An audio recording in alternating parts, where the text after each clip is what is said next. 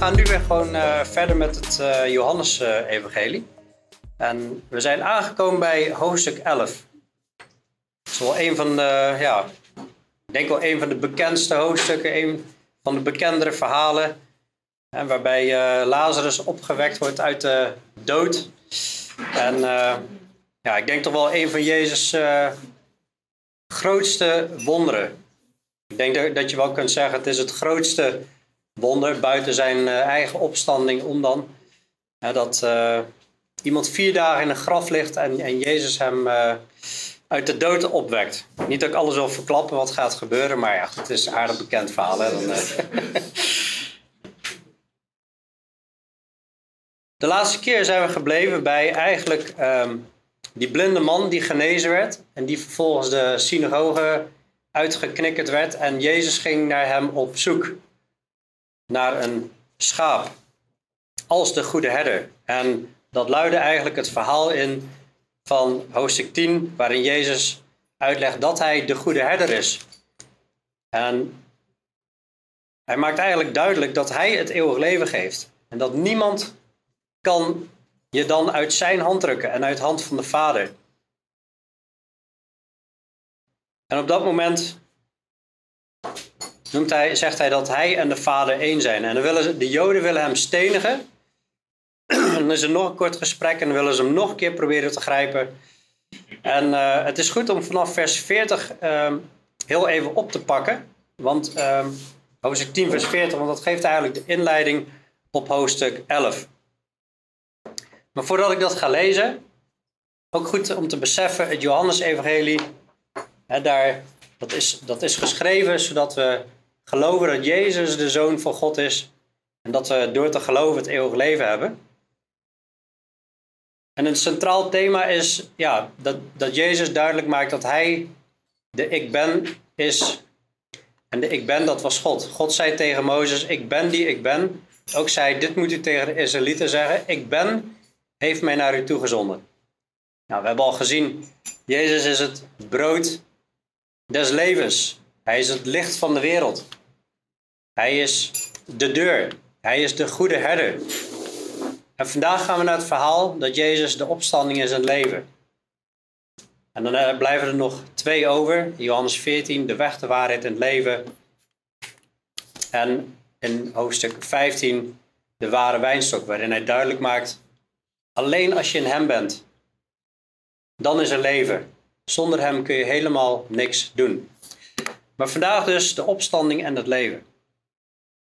Dit is een belangrijk hoofdstuk, want Paulus zegt in 1 Corinthië 15 dat als er geen opstanding was, dan was ons geloof compleet nutteloos. En dan waren we eigenlijk de meest bekla beklagenswaardige mensen van allen. Ja, dan, dan, als dit de hemel is, dan leven we maar op los, zeg maar. Hè? Maar nee, dat is niet zo. Er komt een eeuwig leven aan. Nou, in ieder geval vers 39 eh, uit hoofdstuk 10. Ze probeerden dan opnieuw hem te grijpen, maar hij ontkwam aan hun handen.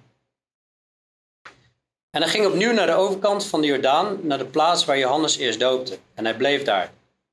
En velen kwamen naar hem toe en zeiden: Johannes deed wel geen teken, maar alles wat Johannes over deze man zei, was waar. En velen geloofden daar in hem. Dus dat is mooi. Velen geloven in hem. Waarom haal ik dit even aan? Um, omdat dat gegeven belangrijk is. Hij ging opnieuw naar de overkant van de Jordaan. Nou, waar, waar was hij? Hij was als laatste in Jeruzalem. want dat lezen we in hoofdstuk 10, vers 23. Jezus liep rond in de tempel in de zuilengang van Salomo. De tempel is in Jeruzalem. Dus Jezus liep daar. Hij gaat van Jeruzalem naar de overzijde van de Jordaan. Maar er staat heel specifiek waar dat is. En dat is relevant, dat is belangrijk voor het verhaal straks. Hij ging opnieuw naar de overkant van de Jordaan, naar de plaats waar Johannes eerst doopte en hij bleef daar. Die plaats dat is Beta Bara. Dat lezen we in Johannes 1 vers 28. dan is er een verhaal gaan, dat doet het nu even niet toe wat, maar dit gebeurde in Beta Bara aan de overkant van de Jordaan waar Johannes doopte. Dat is de plek waar Johannes doopte. Dit is straks relevant omdat um, de afstand van, van Betanië van Bethabara naar Jeruzalem van belang is vanwege de tijd. Nou, in ieder geval ook daar geloven vele mensen hem. En hij zit daar en dan, dan komt er een boodschapper. Er was iemand ziek, Lazarus van Betanië, uit het dorp van Maria en haar zuster Martha. En Maria nu was het die, die de Heer gezalfd heeft met mirre en zijn voeten afgedroogd heeft met haren. En haar broer Lazarus was ziek. En zijn zusters dan stuurden hem de boodschap, Heere, zie, hij die u lief hebt is ziek. Er zijn eigenlijk een, uh, een aantal thema's in Johannes 11. En dat is onder andere geloof. Dat we geloof moeten hebben. Het geloof komt steeds terug, zeg maar. De heerlijkheid van God is een, weer een belangrijk thema. Omdat het wonder van de opstanding is zodat de heerlijkheid van God openbaar wordt. Opdat de Zoon van God erdoor verheerlijkt wordt, zien we in vers 4. Later zien we het nog een keer terug. Een ander belangrijk thema is de opstanding en het leven. Jezus probeert eigenlijk drie geloofsgroepen te laten groeien in geloof. Door wat hij zegt en door wat hij doet. De discipelen, waar hij bij is. Maar later is er ook een heel stuk, is een gesprek met Maria en Martha. En uiteindelijk na de opstanding wordt er weer op gereageerd door de, door de Joden. Maar uiteindelijk is het altijd belangrijk om zo'n verhaal niet te lezen als van, oh, dat is een verhaal op, op, op afstand, maar om weer te kijken van, wat kunnen wij er persoonlijk mee? Doet het, laat het mijn geloof ook groeien. Maakt dit nog indruk op mij? Hoor ik de woorden van Jezus?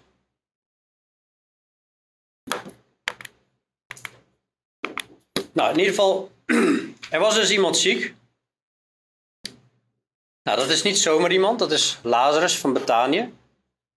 En we zien ook dat de Heer Jezus hem lief heeft. Hij was uit het dorp van Maria en haar zuster Martha. Maar goed, we lezen ook hè, dat het uh, allemaal familie is van elkaar. Maria nu was het die de Heer gezalfd heeft met mirre en zijn voeten afgedroogd heeft met haar haren. Haar broer Lazarus was ziek. Dus Maria was een zus van Martha en haar broer Lazarus was ziek. Dus dit is uh, familie van elkaar. We zullen in hoofdstuk 12 lezen, na dit verhaal van de opstanding, dat Maria voor echt heel veel geld, met hele dure zalf, de Heer Jezus gaat zalven.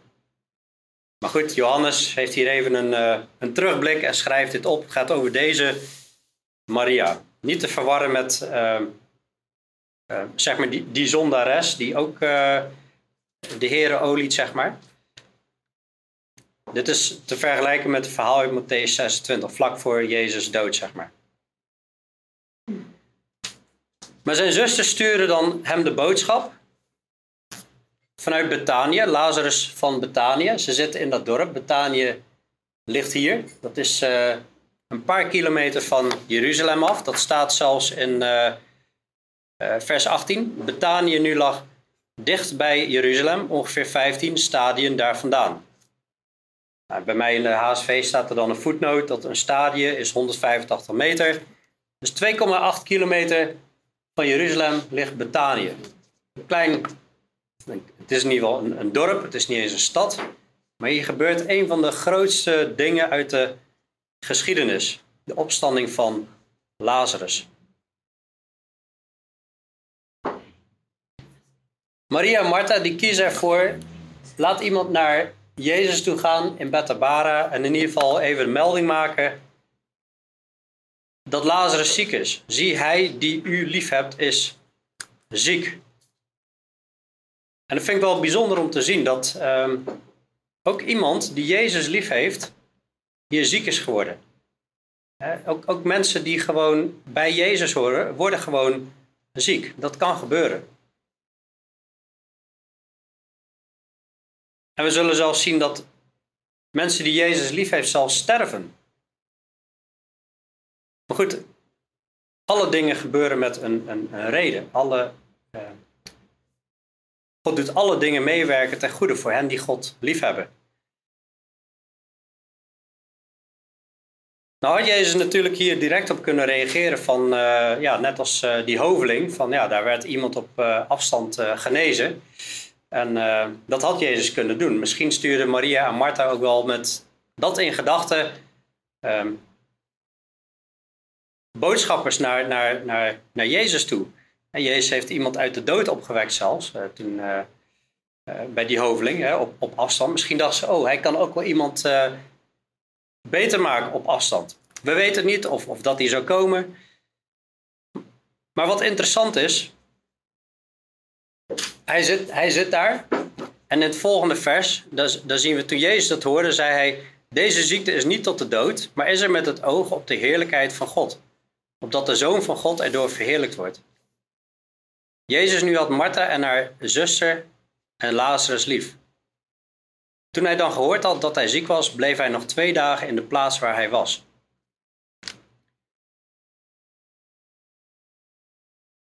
Jezus blijft daar twee dagen.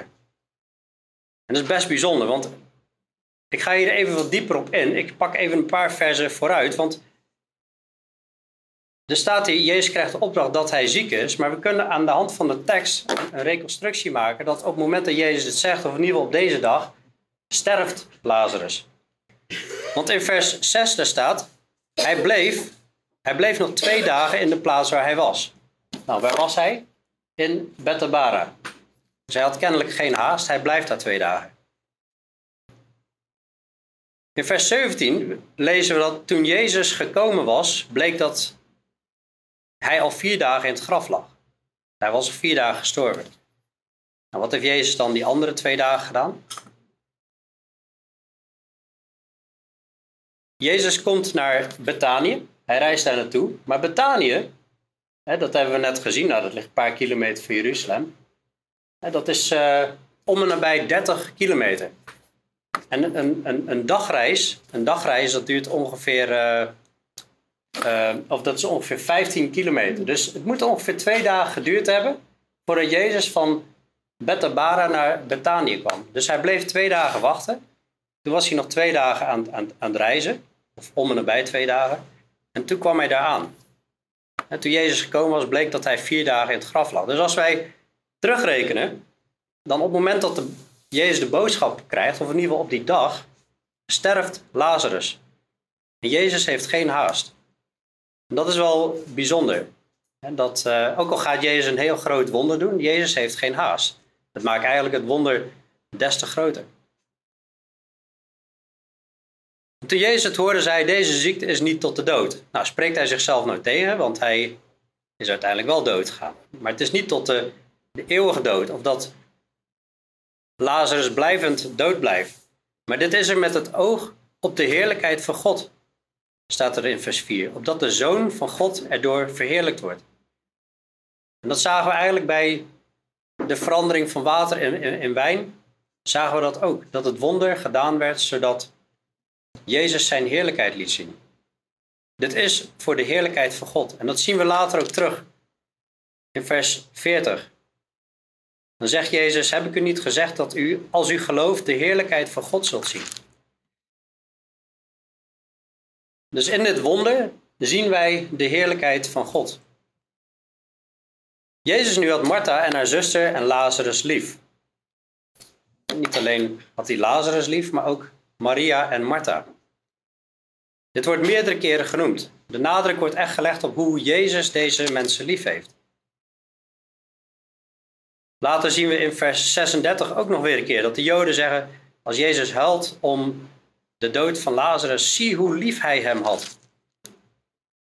Zo bijzonder dat Jezus gewoon zijn discipelen echt, echt lief heeft. En echt om ze geeft. En naarmate verder in het verhaal komen, zullen we ook zien hoe bewogen hij is over zijn discipelen. Vers 6, toen hij dan gehoord had dat hij ziek was, bleef hij nog twee dagen in de plaats waar hij was. Daar heb ik net al iets over genoemd. Daarna zei hij tegen de discipelen, laten wij weer naar Judea gaan. En Judea is dus het zuidelijke gebied waar Jeruzalem in, uh, in ligt. Vijandig gebied zou je kunnen zeggen. Ze hadden Jezus geprobeerd te stenigen. En de discipelen reageerden daarop op. De discipelen zeggen in vers 8 tegen hem, Rabbi, hè, dat is meester, de Joden hebben u onlangs nog geprobeerd te stenigen. En gaat u daar weer heen? En Jezus antwoordde: Zijn er niet twaalf uren in de dag? Als iemand overdag loopt, stoot hij zich niet omdat hij het licht van deze wereld ziet. Maar als iemand s'nachts loopt, stoot hij zich omdat het licht niet bij hem is. Ik vind dat zo geweldig dat mensen vragen stellen aan Jezus en hoe die soms met ongelooflijk cryptische antwoorden komt. Uh, dat je denkt van, wat bedoelt hij nou eigenlijk? Maar goed, als je dan even voor gaat zitten, dan is vaak wel te begrijpen. Ik, ik, wat, ik, wat ik geloof wat, wat Jezus hier bedoelt, is dat hij zegt, zijn er niet twaalf uren in de dag? Als iemand overdag loopt, stoot hij zich niet omdat hij het licht van deze wereld ziet. Volgens mij wil Jezus gewoon heel simpel zeggen, ik weet wat ik aan het doen ben. Ik zie precies wat ik aan het doen ben. En mensen die overdag lopen, zien helder wat ze doen. Mensen die s'nachts lopen, zien niet wat ze doen. Ik zie heel helder wat ik doe. Als iemand s'nachts loopt, stoot hij zich omdat, hij het licht, omdat het licht niet bij hem is. Dus volgens mij wil Jezus gewoon zeggen: rustig maar, jongens. Ik, ik, ben, ik heb het allemaal onder controle.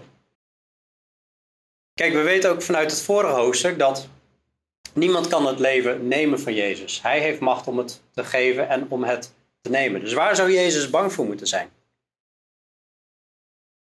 Goed, dit sprak hij, vers 11. En daarna zei hij tegen hen: Lazarus, onze vriend, slaapt. Maar ik ga naar hem toe om hem uit de slaap op te wekken. Zijn discipelen dan zeiden: Heer, als hij slaapt, zal hij gezond worden. Maar Jezus had, het over zijn, had over zijn dood gesproken, terwijl zij dachten dat hij over de natuurlijke slaap sprak. Toen zei Jezus dan openlijk tegen hen: Lazarus is gestorven.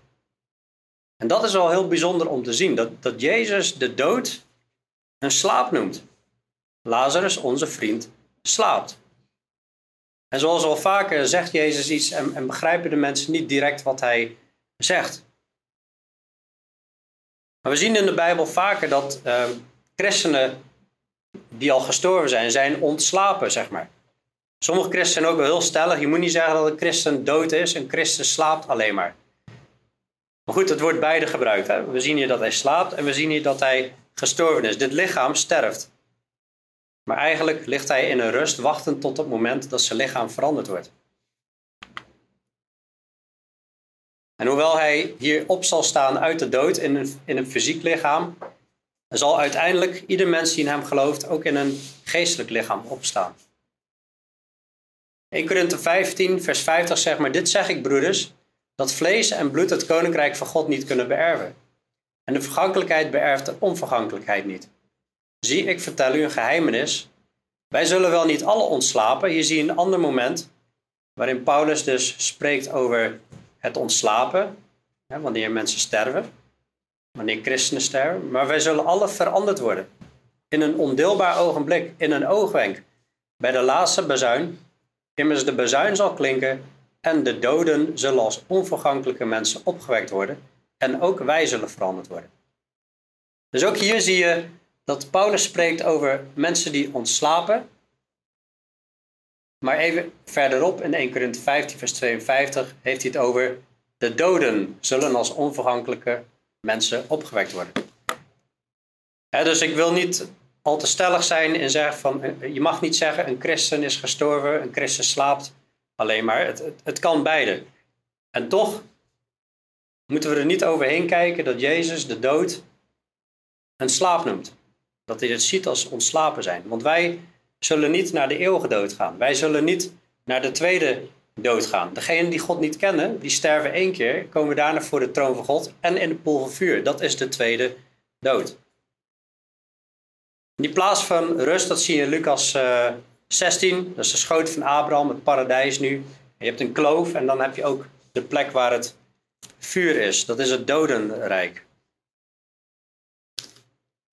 Maar dat zal één dag veranderen. er komt een nieuwe hemel, nieuwe aarde waar wij naartoe gaan, een nieuwe Jeruzalem. En de doden die in, in, in de hel zitten, zeg maar, die zullen geworpen worden in de pool van vuur. Goed, even terug naar het verhaal. Jezus legt hun dus een geestelijk principe weer uit. En hij zegt in vers 15: Ik ben blij voor u dat ik daar niet was, opdat u gelooft. Maar laten wij naar hem toe gaan. Nou, waarom is hij blij dat, dat, dat, dat, dat hij daar niet is? Is hij dan blij dat Lazarus gestorven is? Nee, dat geloof ik niet. Maar zodat ze geloven. Hij heeft nu al geprofiteerd. Hij heeft gezegd, Lazarus is gestorven. Hij is daar niet. Hij is nog in, uh, in, in Betabara. En hij profiteert, Lazarus is gestorven. Dus hij weet precies wat er aan de hand is. En dit zegt hij nu zodat zij geloven. En laten we nu naar hem toe gaan. En Thomas dan, die Didymus genoemd werd, zei tegen zijn medediscipelen, laten we ook wij gaan om met hem te sterven. Dat is een dappere uitspraak van Thomas. Hij gaat er eigenlijk al vanuit van ja, dit, dit kan Jezus dood worden. Als hij nu naar Judea gaat, dit is echt levensgevaarlijk. Maar weet je, wij zijn zijn volgelingen, wij gaan mee en wij gaan met hem sterven. Ik vind dat dappere woorden. Later, op het eind van Johannes 20, zal Thomas iets minder geloof hebben. Maar uh, zijn wij bereid om met Jezus mee te gaan, om met Jezus te sterven? Dat komt eigenlijk ook wel aan bod in dit, in dit, in dit hoofdstuk. Nu heeft Jezus met zijn discipelen gesproken over deze happening. nu gaat hij zich richten tot Maria en Martha vanaf hier. Vanaf vers 17 staat er: Toen Jezus dan gekomen was, bleek dat Lazarus al vier dagen in het graf lag.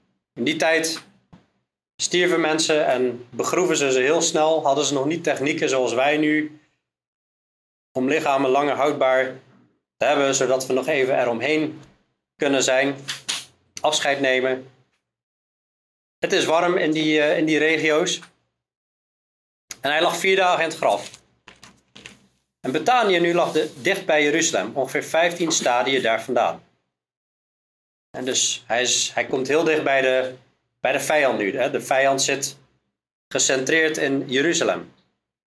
En vele van de Joden waren naar Martha en Maria gekomen om hen te troosten over hun broer. Ook dat is mooi om te zien. Hoe Joden, hoe christenen bij elkaar komen en elkaar troosten wanneer de dood heeft plaatsgevonden. En de Joden zijn daar sowieso wel hecht in. Dat is nog steeds in hun cultuur. recentelijk werd er een, uh, een Jood gedood door de Palestijnen en ik hoorde dat er wel 10.000 man op de begrafenis afkwamen. Ik weet niet of dat hier het geval is, maar in ieder geval, ze zijn eromheen. Vers 20, zodra Martha dan hoorde dat Jezus kwam, ging zij hem tegemoet, maar Maria bleef in huis zitten. Maria en Martha kennen we natuurlijk van het verhaal dat Martha druk is. die is aan dienen, dienen, druk, druk, druk. En uh, die neemt het Maria eigenlijk kwalijk dat zij zit aan de voeten van de Heer Jezus om te luisteren naar zijn woorden. Maar Jezus zegt dan, maar Maria heeft het goede deel gekozen. Nou, als je dan mocht kiezen tussen de twee van, als ze horen Jezus komt, wie verwacht je dan dat het eerst uh, op Jezus afvliegt? Nou dan verwacht je eigenlijk wel Martha. En inderdaad, Martha die komt op Jezus af. Zodra Martha dan hoorde dat Jezus kwam, ging zij hem tegemoet. Maar Maria bleef in huis zitten. Martha nu zei tegen Jezus: Heere, als u hier geweest was, zou mijn broer niet gestorven zijn. Nou, dat weet je natuurlijk niet, maar zij zag natuurlijk al die wonderen die Jezus deed, zoveel zieken genas hij. Ze gingen vanuit, als hij toch hier was geweest, dan was hij niet gestorven. Waarschijnlijk heeft Martha, hebben Martha en Maria hier best wel over gesproken. Want in vers 32 zie je op een gegeven moment dat uh, Maria ook Jezus spreekt. En het eerste wat ze zegt is: Heer, als u hier geweest was, dan zou mijn broer niet gestorven zijn. En ze zeggen dus allebei hetzelfde. Je hebt waarschijnlijk overleg gehad van ja, als dit, als dat. En en dat is ook wel een risico voor christenen. Om te blijven hangen in, ja, als dit toch was, of als dat. En weet je, dingen gebeuren gewoon soms in het leven. Tegenvallers, narigheden, zoals de dood. Maar alle dingen laat God medewerken ten goede. Voor hen die God liefhebben. Het is niet dat ze nou direct ongeloof heeft, Martha. Dat ze iets moppert of zo, hè, maar ze constateert in ieder geval, was hier geweest, was mijn broer niet gestorven. Want ze laat in vers 22 ook zien, hè, maar ook nu weet ik dat God u alles wat u van God vraagt geven zal. En ze weten natuurlijk ook dat Jezus al meerdere mensen heeft opgewekt uit de dood. Alleen hij heeft nog niemand opgewekt uit de dood die al vier dagen in het graf lag. En die waren tot nu toe mensen die recentelijk gestorven waren. En Jezus zei tegen haar: Uw broer zal weer opstaan. En Martha zei tegen hem: Ik weet dat hij zal opstaan bij de opstanding op de laatste dag. Dus kennelijk heeft ze toch geleerd van uiteindelijk de woorden van Jezus. Heeft ze uiteindelijk ergens toch de rust gevonden om te luisteren naar hem en heeft ze het geloof gekregen in de opstanding. En misschien kenden ze dit ook al wel vanuit het Oude Testament, vanuit Daniel. Ik weet dat hij zal opstaan bij de opstanding op de laatste dag. En natuurlijk zal dat ook zo zijn, maar Jezus heeft iets anders in gedachten. En dan komen een van de mooiste woorden uit de Bijbel, een van de mooiste zinnen, waarin Jezus tegen haar zegt: Ik ben de opstanding en het leven. Wie in mij gelooft, zal leven, ook al was hij gestorven. En ieder die leeft en in mij gelooft, zal niet sterven in eeuwigheid. Gelooft u dat? Dit zijn wezenlijke woorden. Dit zijn superbelangrijke woorden. Dat we geloven dat er een opstanding is. Dat we geloven dat Jezus is opgestaan uit de dood, hè, voor ons. In Jezus is de opstanding. Jezus heeft het niet meer over er is een opstanding op de laatste dag en er is leven, eeuwig leven. Hij heeft over ik ben de opstanding. Daarom kon Jezus ook niet gebonden worden door de dood. Hij is de opstanding, dus hij moest wel opstaan. En hij is het leven. In hem is alleen maar leven. Hij is de schepper van hemel en aarde. Hij heeft ons al het leven gegeven. Wij leven allemaal en dat leven hebben van hem. Maar we leven ook in een gebroken schepping. We leven in een schepping waar de dood is ingetreden en ziekte is ingetreden. En alleen in Jezus is er een weg terug. Hij is de opstanding en hij is het leven. Wie in hem gelooft zal leven. En dat betekent dat geloven, dat zullen we in Johannes 15 zien in de ware wijnstok, dat betekent in hem blijven. In zijn woorden blijven. Dat is in zijn liefde blijven. En zijn woorden in acht nemen. Zo blijven in hem. En dan zul je leven, al was je gestorven. Vers 26. Ieder die leeft en in mij gelooft, zal niet sterven. In eeuwigheid. Gelooft u dat? Uh, het, lijkt hier, uh, vers 25, 26 lijkt hier te duiden op uh, twee dingen. Hij spreekt over wie in mij gelooft zal leven, ook al was hij gestorven. Maar ook over, heeft hij het over ieder die leeft en waarschijnlijk nog die in leven is. Hè? Wanneer Jezus komt en in mij gelooft, zal niet sterven in eeuwigheid. Gelooft u dat? Dat zie je namelijk ook terug in 1 Thessalonicense 4 waar het ook gaat over de, de opstanding. En dan zegt hij: Ik wil niet, broeders, dat u onwetend bent ten aanzien van hen die ontslapen zijn. 1 Thessalonicense 4, vers 13 op het scherm. Ik wil niet, broeders, dat u onwetend bent ten aanzien van hen die ontslapen zijn.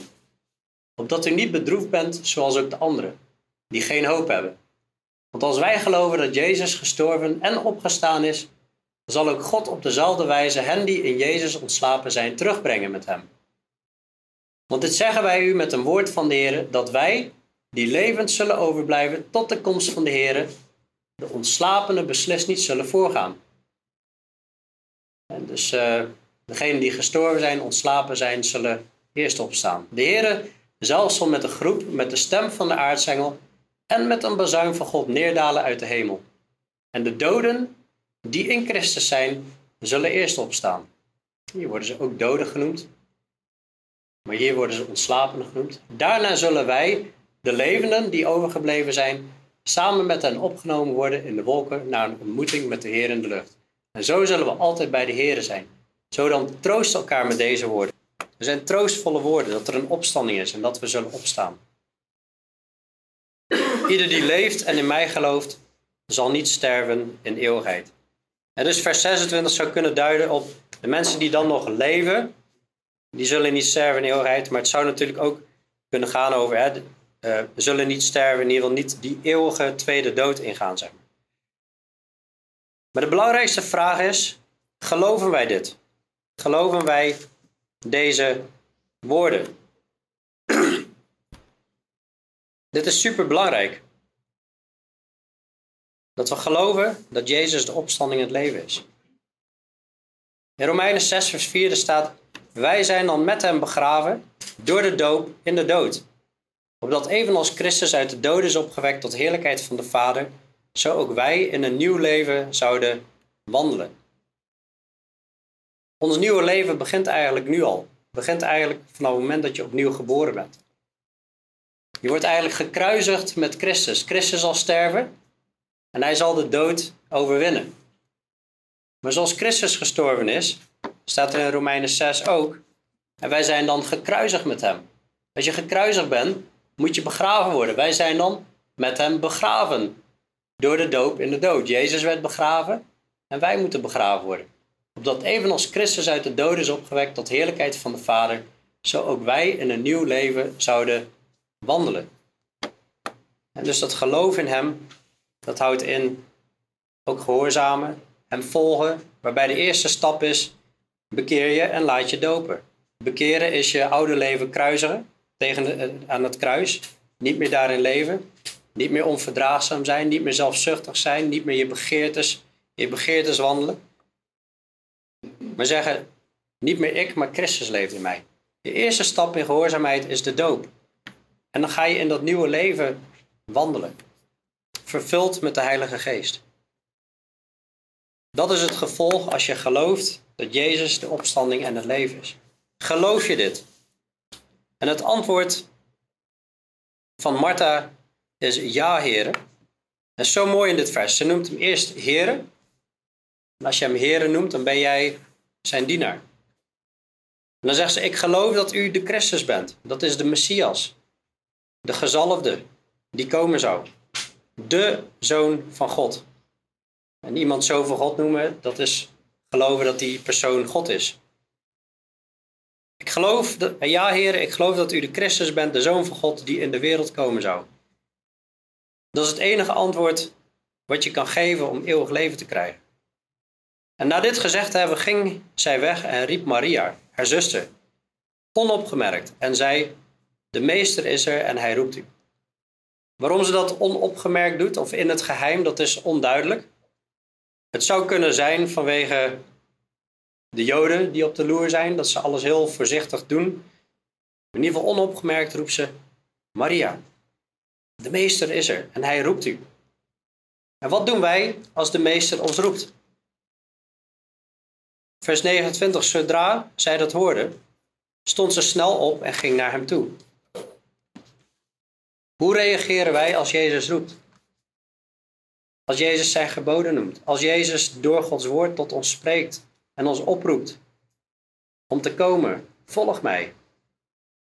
Staan we dan snel op en gaan we naar hem toe? Maria die staat snel op zodra ze hoort, hey, Jezus roept.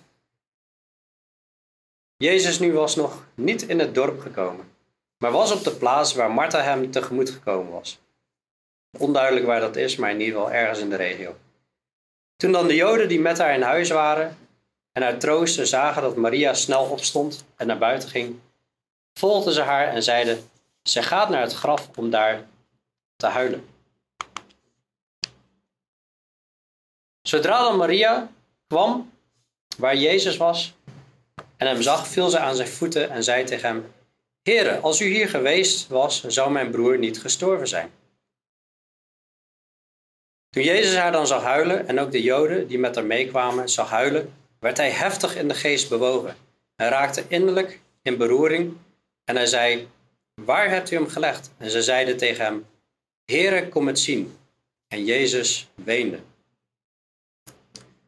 Dus de mensen hebben even geen idee waar uh, Maria heen gaat. Ze denken dat ze naar het graf gaat om te huilen.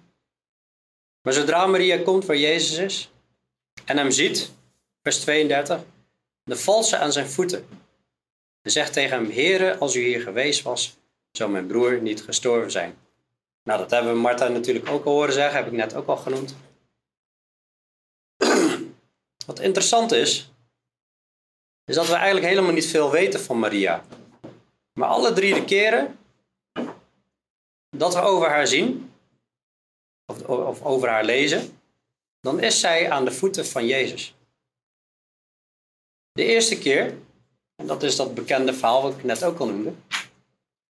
Dus in Lucas 10, vers 38. Het gebeurde toen ze onderweg waren dat hij, uh, dat hij in een dorp kwam en een vrouw van wie de naam Martha was, ontving hem in haar huis. En ze had een zuster die Maria heette, die ook aan de voeten van Jezus zat en naar zijn woord luisterde. Uiteindelijk zegt Jezus dat zij het goede deel heeft gekozen door naar Jezus' woorden te, te luisteren en aan zijn voeten te zitten. Dus daar zit, zit Maria aan de voeten van Jezus, om zijn woord te horen.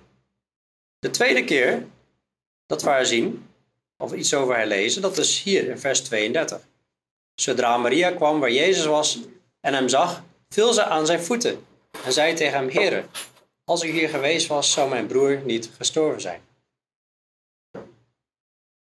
Nu is Maria in een situatie waar ze diep verdriet heeft. Waar ze rouwt. Ze rouwt om Lazarus. En ze komt eigenlijk bij Jezus en stort eigenlijk haar verdriet uit bij Jezus aan zijn voeten.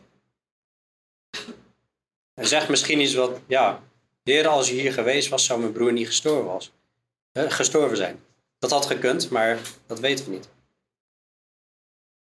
In ieder geval was haar hoop op hem gevestigd. En toen Jezus haar dan zag huilen, ze was aan het huilen, ze stort haar verdriet uit, aan zijn voeten lijkt het. En ook de Joden die met hem meekwamen zag huilen, werd hij heftig in de geest bewogen, staat er dan. De derde keer, dat zullen we in het volgende hoofdstuk zien, hoofdstuk 12, vers 2. Dan staat er dat ze een maaltijd bereiden voor hem. En Martha bediende en Lazarus, die inmiddels dan is opgewekt uit de dood, was een van hen die met hem aanlagen. Die zit gewoon weer vrolijk aan tafel te eten. Maria dan nam een pond zuivere nardeszalf van zeer grote waarde. En hoe groot die waarde is, het was echt extreem duur. En die zalfde de voeten van Jezus en droogde zijn voeten met haar haren af. En het huis werd vervuld met de geur van de zalf.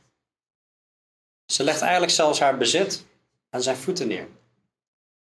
Dus eerst luisterde, zit ze aan de voeten om te luisteren naar zijn woorden. Dan zit ze aan, aan de voeten om eigenlijk haar verdriet, haar zorgen bij de Heer Jezus te brengen. En dan komt ze aan zijn voeten om hem te zalven. En al het goede van haarzelf te geven aan hem. Is eigenlijk echt, ik vond het een schitterende ontdekking. Heel mooi om te zien. Wat doen wij? Zitten wij aan de voeten van de Heer Jezus? Komen wij bij Hem met al ons zorgen, met al ons verdriet, met al onze moeite? En hebben wij alles over voor de Heer Jezus, zoals Maria?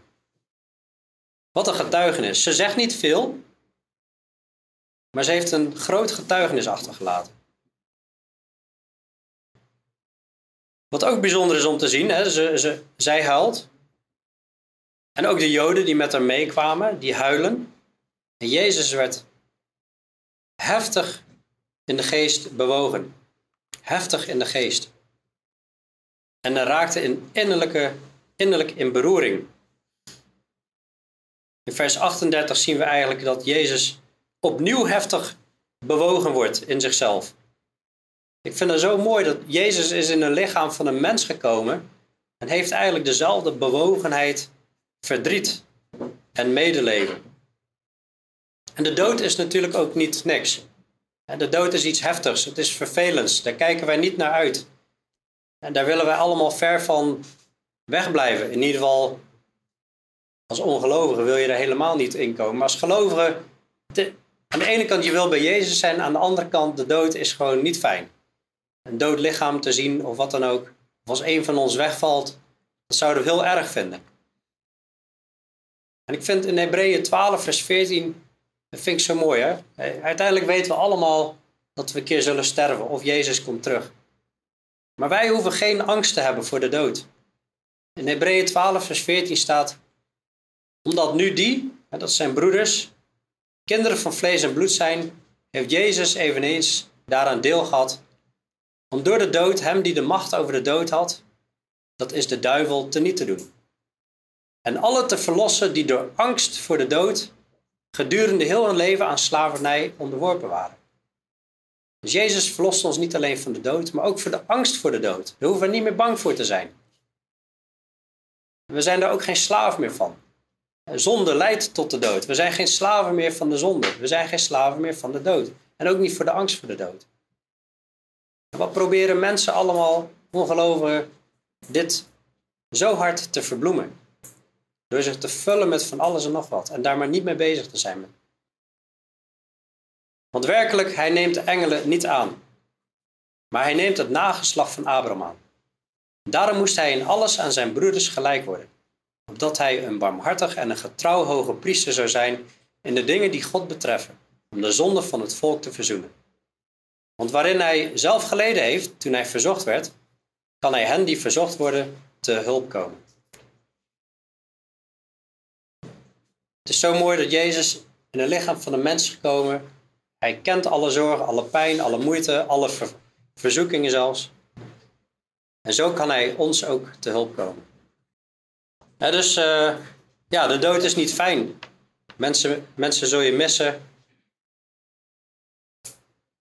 Maar ook de onduidelijkheid, de onzekerheid, die er misschien toen nog was. Maar wij weten nu precies hoe het zit met de dood en wat daarna gebeurt. Jezus was heftig in beroering, daar hadden we het over, vers 34.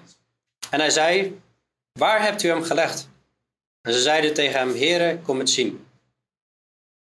Jezus is mens en Jezus is God. 100% mens, 100% God. En op het ene moment zie je de menselijkheid. Waarin, waar hebt u hem gelegd? En het andere moment zie je de goddelijkheid en hij wekt iemand uit de dood op. God is alwetend. Jezus had er niet hoeven vragen. Maar hij is ook mens en hij vraagt, waar hebt u hem gelegd? En dan zien we het kortste vers in de Bijbel. Dus het vers wat uh, kinderen het uh, liefst uh, onthouden. Als ze Bijbelversen moeten leren uit hun hoofd, want daar zijn ze snel klaar mee. Het kortste vers in de Bijbel. Jezus weende. Jezus moest huilen. Het interessante is dat, het, dat in de grondtekst dat het woord weende, dat dit de enige plek is in de Bijbel waar dat gebruikt wordt. Dat wenen. En dat is dat eigenlijk een, een, traan over de, over de wang rolt. In tegenstelling tot dat andere huilen in vers 33, dat is echt uh, dat intense op je borst slaan. En nou, zoals uh, ze in de Oosterse landen, je kent die beelden wel, hoe ze in extase rouwen, zeg maar. Maar Jezus weende. En de Joden zeiden, zie hoe lief hij hem had. Ze zien Jezus huilen over een geliefde. En dat laat eigenlijk ook wel een, een getuigenis zien. Het is ook wel belangrijk voor ons om te beseffen dat ons getuigenis belangrijk is. Zie hoe lief hij hem had. Lazarus heeft geen woord gesproken. Er is geen woord van Lazarus opgenomen in de Bijbel. Zover ik heb kunnen ontdekken. Het enige wat we weten is dat Jezus hem lief had. En we weten ook dat Jezus zegt, jullie zijn mijn vrienden als je doet wat ik je gebied. Ik geloof dat ja, Lazarus echt een volgeling van Jezus was. Dat hij hem daarom zo lief had. Maria en Martha ook. Terwijl we verder eigenlijk niks van hem weten. Maar we zien vervolgens na de opstanding dat hij meteen weer met Jezus aan tafel zit. En sommigen van hen zeiden: Kon hij, die de ogen van de blinde geopend heeft, ook niet maken dat deze niet gestorven was? Er zijn mensen aanwezig.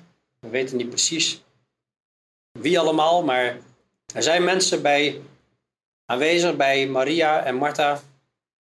En zeggen: Dat zijn Joden. Kon hij, die de ogen van blinden geopend heeft, niet maken dat deze niet gestorven was. Nou, natuurlijk kan dat. Jezus heeft mensen genezen. Hij had ervoor kunnen zorgen dat deze niet gestorven was. Maar het is wel gebeurd.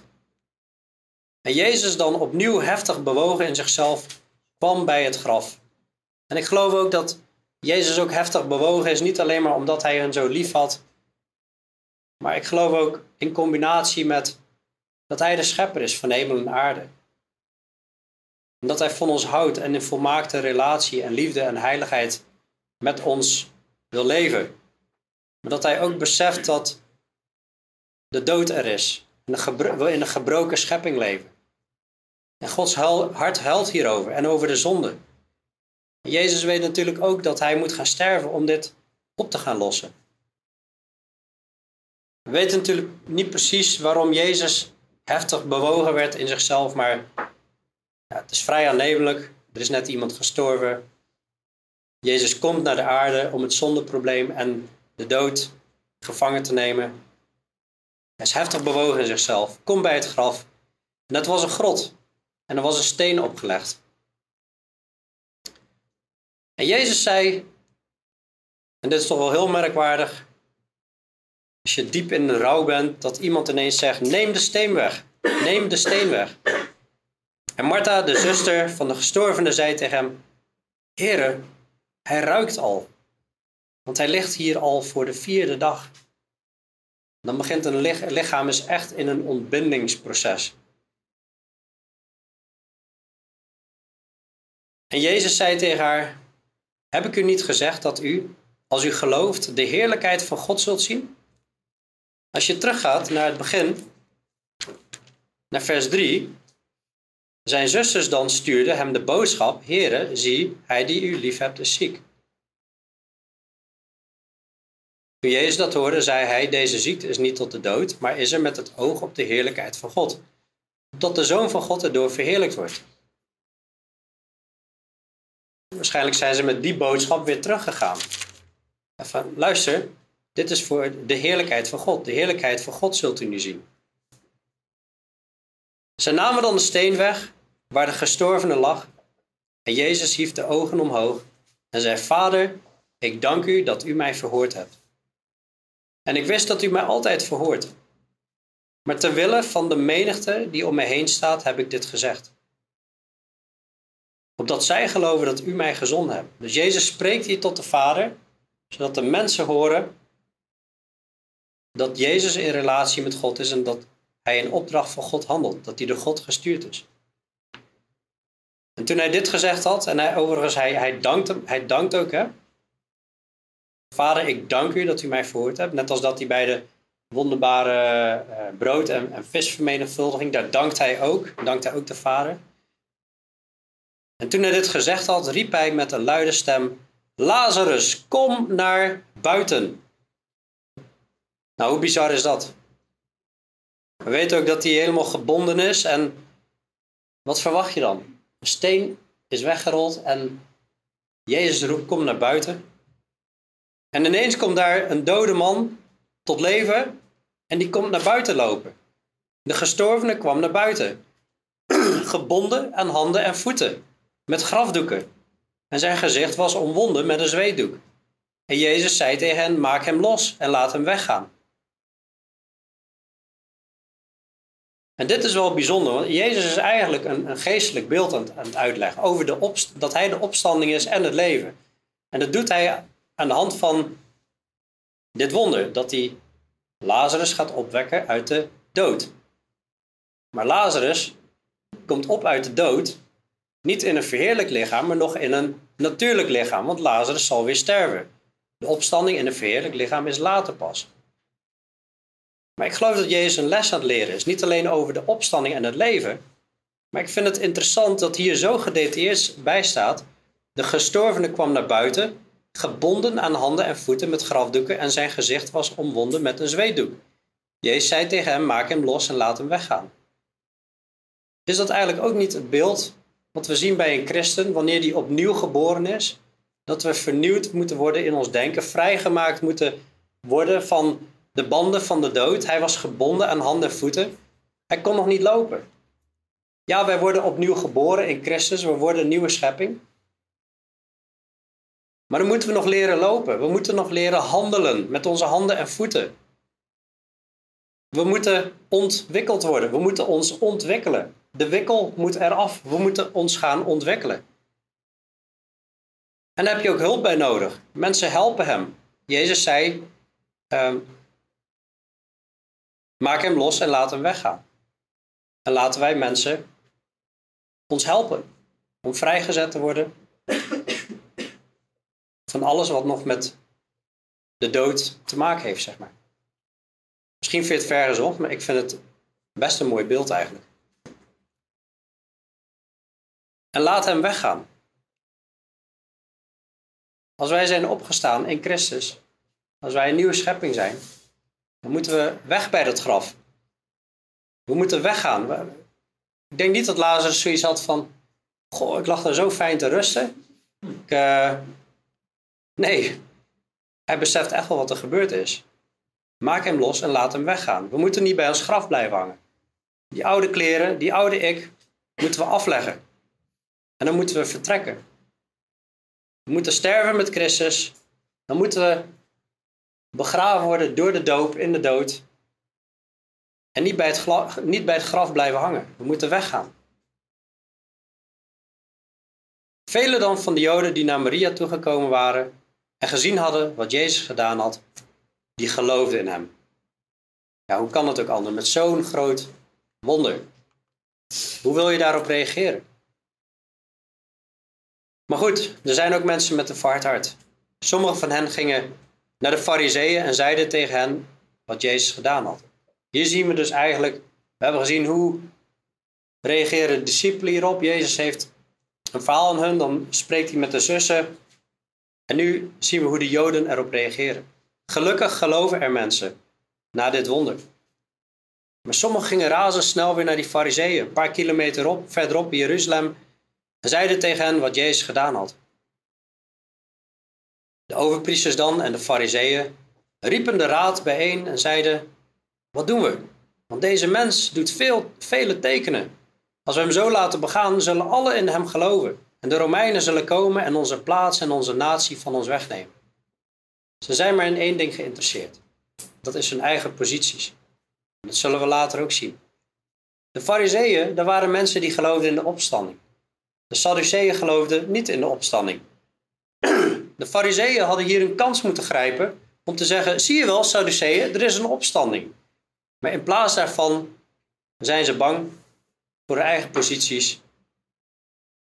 En twee vijanden van elkaar smeden samen, want ze hebben een nieuwe vijand gevonden.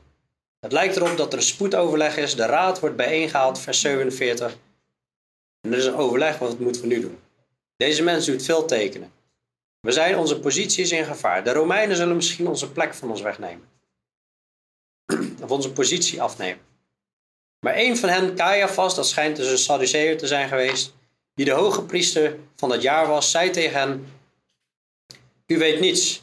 U overweegt niet dat het nuttig voor ons is dat één mens sterft voor het volk en niet heel het volk verloren gaat. Dit zei hij echter niet uit zichzelf, maar als hoge priester van dat jaar profiteerde hij dat Jezus sterven zou voor het volk. Dit is bijzonder, alsof Caiaphas zoiets heeft, hij wil ik weet niet of je wel eens naar politici kijkt, maar die proberen alles heel, heel erg politiek verantwoord te zeggen. Hij zegt eigenlijk, die gas moet dood. Maar politici, leiders, die zeggen dat niet. Die brengen dat in mooie woorden. U, over, u weet niets, u overweegt niet dat het nuttig voor ons is dat één mens sterft voor het volk en niet heel het volk verloren gaat.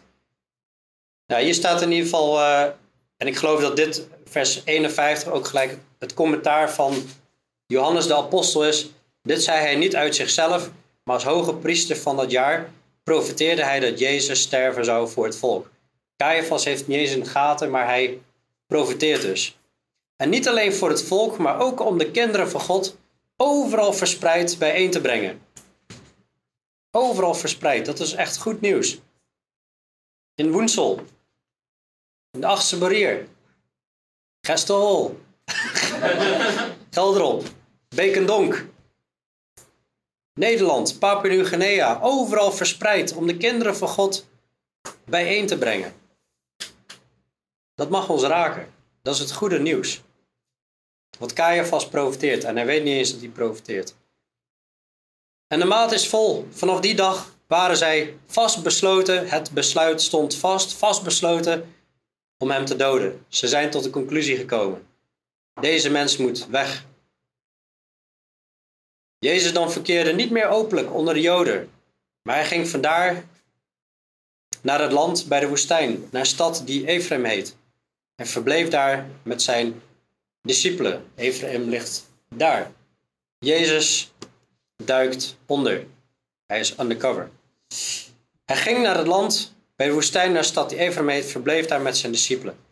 En het pascha van de Joden was nabij. En velen uit dat land gingen naar Jeruzalem. We hebben al eerder gezien, Pascha was een groot feest. Miljoenen komen naar Jeruzalem van over de wereld en uit uh, het land. En ze kwamen naar Jeruzalem voor het Pascha om zich te reinigen. Maar helaas worden niet alle gereinigd van zonde, omdat ze niet in Jezus geloven. Zij dan zochten Jezus en zeiden onder elkaar, terwijl ze in de tempel stonden: Wat denkt u?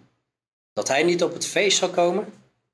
De overpriesters nu en de fariseeën hadden de opdracht gegeven dat als iemand wist waar hij was, hij het hen te kennen zou geven, zodat zij hem konden grijpen. Het, is, het overleg is volop gaande. Zal Jezus komen op het feest. Van wie is dat feest eigenlijk? Voor wie vieren ze eigenlijk feest? Het Pascha is een feest door God ingesteld. En dat zijn ze vergeten, want God staat voor hen. Zal God op dat feest komen? En Jezus zal zeker komen. Dat gaan we vol een hoofdstuk bekijken. Hij komt op een veulen, komt hij Jeruzalem binnenrijden. En, iedereen, en ze zullen massaal roepen, Hosanna en gezegend is hij die komt in de naam van de Heer, de koning van Israël. En ze zullen proberen hun het zwijgen op te leggen. Maar Jezus zal zeggen, als deze niet zouden spreken, dan zouden de stenen het uitschreeuwen. Het is allemaal Gods plan wat hier, hier, aan